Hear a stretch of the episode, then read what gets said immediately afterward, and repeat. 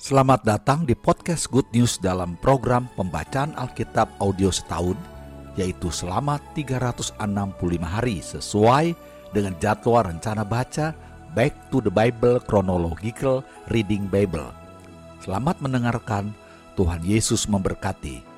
Inilah mendengarkan firman Tuhan hari ke-65. Bilangan pasal 26 ayat 1 sampai 65. Laskar Israel dihitung untuk kedua kalinya. Sesudah tulah itu, berfirmanlah Tuhan kepada Musa dan kepada Eleazar, anak Imam Harun. Hitunglah jumlah segenap umat Israel yang berumur 20 tahun ke atas menurut suku mereka. Semua orang yang sanggup berperang di antara orang Israel Lalu berkatalah Musa dan Imam Eleazar kepada mereka di dataran Moab, di tepi sungai Yordan dekat Yeriko. Hitunglah jumlah semua orang yang berumur 20 tahun ke atas, seperti yang diperintahkan Tuhan kepada Musa. Inilah orang Israel yang telah keluar dari tanah Mesir. Ruben, ialah anak sulung Israel. Bani Ruben, ialah dari Henoh, kaum orang Heno, dari Palu, kaum orang Palu, dari Hesron, kaum orang Hesron, dan dari Karmi, kaum orang Karmi. Itulah kaum-kaum orang Ruben, dan orang-orang yang dicatat dari mereka berjumlah 43.730 orang. Adapun anak Palu ialah Eliab, dan anak-anak Eliab ialah Nemuel, Datan, dan Abiram. Datan dan Abiram, orang-orang yang dipilih oleh umat itu, ialah orang-orang yang telah membantah Musa dan Harun dalam kumpulan Korah ketika mereka membantah Tuhan. Tetapi bumi membuka mulutnya dan menelan mereka bersama-sama dengan Korah ketika kumpulan itu mati, ketika ke-250 orang itu dimakan api, sehingga mereka menjadi peringatan. Tetapi anak-anak Korah tidaklah mati Bani Simeon. Menurut kaum mereka ialah dari Nemuel, kaum orang Nemuel. Dari Yamin, kaum orang Yamin. Dari Yakin, kaum orang Yakin. Dari Zerah, kaum orang Zerah. Dan dari Saul, kaum orang Saul. Itulah kaum-kaum orang Simeon. 22.200 orang banyaknya. Bani Gad Menurut kaum mereka ialah dari Zefon, kaum orang Zefon, dari Hagi, kaum orang Hagi, dari Syuni, kaum orang Syuni, dari Osni, kaum orang Osni, dari Eri, kaum orang Eri, dari Arot, kaum orang Arot, dan dari Areli, kaum orang Areli. Itulah kaum-kaum Bani dan orang-orang yang dicatat dari mereka berjumlah 40.500 orang. Anak-anak Yehuda ialah Er dan Onan, tetapi Er dan Onan itu mati di tanah Kanaan. Bani Yehuda menurut kaum mereka ialah dari Shela kaum orang Shela, dari Peres kaum orang Peres, dan dari Zerah kaum orang Zerah. Bani Peres ialah dari Hezron, kaum orang Hezron, dan dari Hamul, kaum orang Hamul. Itulah kaum-kaum Yehuda, dan orang-orang yang dicatat dari mereka berjumlah 76.500 orang. Bani Izakar, menurut kaum mereka ialah dari Tola kaum orang Tola, dari Pua kaum orang Pua, dari Yasub kaum orang Yasub, dan dari Simron, kaum orang Simron. Itulah kaum-kaum Izakar dan orang-orang yang dicatat dari mereka berjumlah 64.300 orang. Bani Zebulon, menurut kaum mereka ialah dari Seret, kaum orang Seret, dari Elon, kaum orang Elon, dan dari Yahleel, kaum orang Yahleel Itulah kaum-kaum orang Zebulon. dan orang-orang yang dicatat dari mereka berjumlah 60.500 orang. Keturunan Yusuf menurut kaum mereka ialah orang Manasye dan orang Efraim. Bani Manasye ialah dari Makir, kaum orang Makir, dan Makir beranakan Gilead. Dari Gilead, kaum orang Gilead. Inilah Bani Gilead. Dari Yezer, kaum orang Yezer. Dari Helek, kaum orang Helek. Dari Asriel, kaum orang Asriel. Dari Sekem, kaum orang Sekem. Dari Semida, kaum orang Semida. Dan dari Hefer, kaum orang Hefer. Adapun Zelafehat bin Hefer tidak mempunyai anak laki-laki, tetapi anak perempuan saja dan nama anak-anak perempuan Selafehat ialah Mahla, Noah, Hogla, Milka, dan Tirsa. Itulah kaum-kaum Manasye dan orang-orang yang dicatat dari mereka berjumlah 52.700 orang. Inilah Bani Efraim menurut kaum mereka. Dari Sutelah, kaum orang Sutelah. Dari Beker, kaum orang Beker dan dari Tahan kaum orang Tahan. Dan inilah Bani Sutelah, dari Eran kaum orang Eran. Itulah kaum-kaum Bani Efraim, dan orang-orang yang dicatat dari mereka berjumlah 32.500 orang banyaknya. Itulah Bani Yusuf menurut kaum mereka. Bani Benyamin, menurut kaum mereka ialah dari Bela kaum orang Bela, dari Asibel kaum orang Asibel, dari Ahiram, kaum orang Ahiram, dari Sefufam, kaum orang Sefufam, dan dari Hufam, kaum orang Hufam. Dan anak-anak Bela ialah Aret dan Naaman. Dari Aret kaum orang Aret dan dari Naaman kaum orang Naaman. Itulah Bani Benyamin menurut kaum mereka dan orang-orang yang dicatat dari mereka berjumlah 45.600 orang. Inilah Bani Dan menurut kaum mereka. Dari Suham, kaum orang Suham. Itulah kaum-kaum Dan menurut kaum mereka. Segala kaum orang Suham, orang-orang yang dicatat dari mereka berjumlah 64.400 orang. Bani Asher, menurut kaum mereka ialah dari Yimna, kaum orang Yimna. Dari Yiswi, kaum orang Yiswi. Dan dari Beria, kaum orang Beria. Mengenai Bani Beria, dari Heber, kaum orang Heber. Dan dari Malkiel, kaum orang Malkiel. Dan nama anak perempuan Asher ialah Serah. Itulah kaum-kaum Bani Asher. Dan orang-orang yang dicatat dari mereka berjumlah 53.400 orang. Bani Naftali, menurut kaum mereka ialah dari Yahzeel, kaum orang Yahzeel, dari Guni, kaum orang Guni, dari Yezer, kaum orang Yezer, dan dari Shalem, kaum orang Shalem.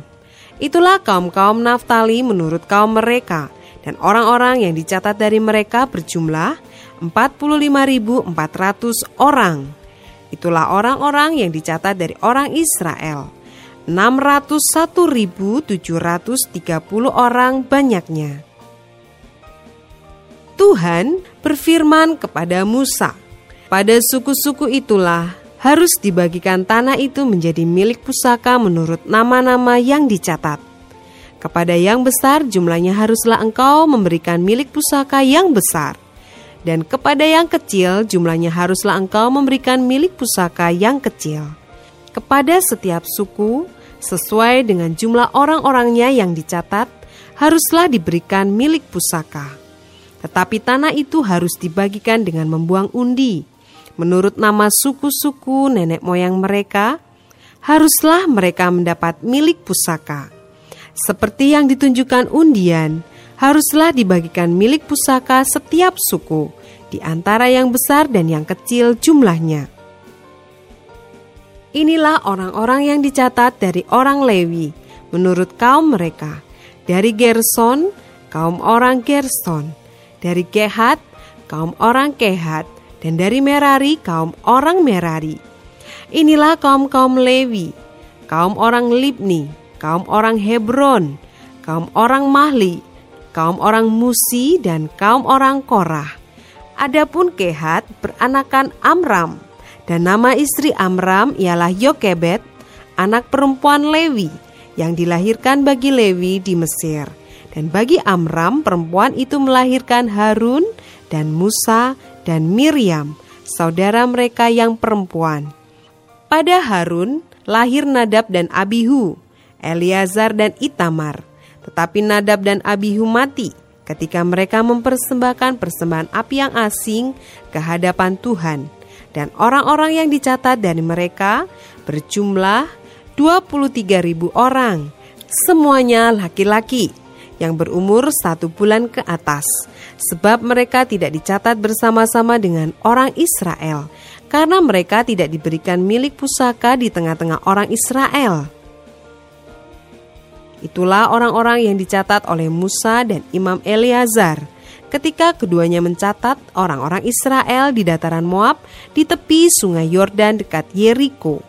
Di antara mereka tidak ada terdapat seorang pun yang dicatat Musa dan Imam Harun ketika keduanya mencatat orang Israel di padang gurun Sinai. Sebab Tuhan telah berfirman tentang mereka, pastilah mereka mati di padang gurun dari mereka itu tidak ada seorang pun yang masih tinggal hidup selain dari Kaleb bin Yefune dan Yosua bin Nun.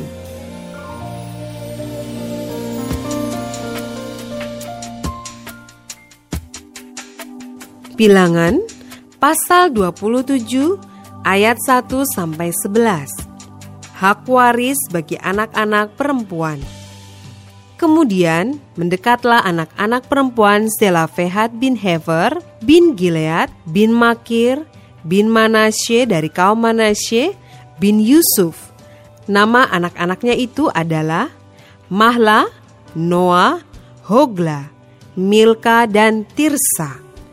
Dan berdiri di depan Musa dan Imam Eleazar, dan di depan para pemimpin dan segenap umat itu, dekat pintu kemah pertemuan serta berkata, Ayah kami telah mati di padang gurun, walaupun ia tidak termasuk ke dalam kumpulan yang bersepakat melawan Tuhan, ke dalam kumpulan Korah, tetapi ia telah mati karena dosanya sendiri, dan ia tidak mempunyai anak laki-laki. Mengapa nama ayah kami harus hapus dari tengah-tengah kaumnya, oleh karena ia tidak mempunyai anak laki-laki? Berilah kami tanah milik di antara saudara-saudara ayah kami. Lalu Musa menyampaikan perkara mereka itu ke hadapan Tuhan. Maka berfirmanlah Tuhan kepada Musa, Perkataan anak-anak perempuan Selafehat itu benar. Memang, engkau harus memberikan tanah milik pusaka kepadanya di tengah-tengah saudara-saudara ayahnya. Engkau harus memindahkan kepadanya hak atas milik pusaka ayahnya. Dan kepada orang Israel engkau harus berkata, apabila seseorang mati dengan tidak mempunyai anak laki-laki, maka haruslah kamu memindahkan hak atas milik pusakanya kepada anaknya perempuan. Apabila ia tidak mempunyai anak perempuan, maka haruslah kamu memberikan milik pusakanya itu kepada saudara-saudaranya yang laki-laki dan apabila ia tidak mempunyai saudara-saudara lelaki, maka haruslah kamu memberikan milik pusakanya itu kepada saudara-saudara lelaki ayahnya. Dan apabila ayahnya tidak mempunyai saudara-saudara lelaki, maka haruslah kamu memberikan milik pusakanya itu kepada kerabatnya yang terdekat dari antara kaumnya, supaya dimilikinya. Itulah yang harus menjadi ketetapan hukum bagi orang Israel, seperti yang diperintahkan Tuhan kepada Musa. Ayat 12 sampai 23. Yosua mengganti Musa. Tuhan berfirman kepada Musa, "Naiklah ke gunung Abarim ini dan pandanglah negeri yang kuberikan kepada orang Israel. Sesudah engkau memandangnya, maka engkau pun juga akan dikumpulkan kepada kaum leluhurmu, sama seperti Harun, abangmu dahulu. Karena pada waktu pembantahan umat itu di padang gurun Sin, kamu berdua telah memberontak terhadap titahku untuk menyatakan kekudusanku di depan mata mereka dengan air itu. Itulah mata air Meriba, dekat Kades di padang gurun Sin. Lalu berkatalah Musa kepada Tuhan, Biarlah Tuhan, Allah dari roh segala makhluk, mengangkat atas umat ini seorang yang mengepalai mereka waktu keluar dan masuk, dan membawa mereka keluar dan masuk, supaya umat Tuhan jangan hendaknya seperti domba-domba yang tidak mempunyai gembala. Lalu Tuhan berfirman kepada Musa, Ambillah Yosua bin Nun, seorang yang penuh roh, letakkanlah tanganmu atasnya. Suruhlah ia berdiri di depan Imam Eleazar dan di depan segenap umat, lalu berikanlah kepadanya perintahmu di depan mata mereka itu, dan berilah dia sebagian dari kewibawaanmu, supaya segenap umat Israel mendengarkan dia. Ia harus berdiri di depan Imam Eleazar, supaya Eleazar menanyakan keputusan Urim bagi dia di hadapan Tuhan. Atas titahnya mereka akan keluar, dan atas titahnya mereka akan masuk. Ia beserta semua orang Israel, segenap umat itu. Maka Musa melakukan seperti yang diperintahkan Tuhan kepadanya. Ia memanggil Yosua dan menyuruh dia berdiri di depan Imam Eleazar dan di depan segenap umat itu. Lalu ia meletakkan tangannya atas Yosua dan memberikan kepadanya perintahnya, seperti yang difirmankan Tuhan dengan perantaraan Musa.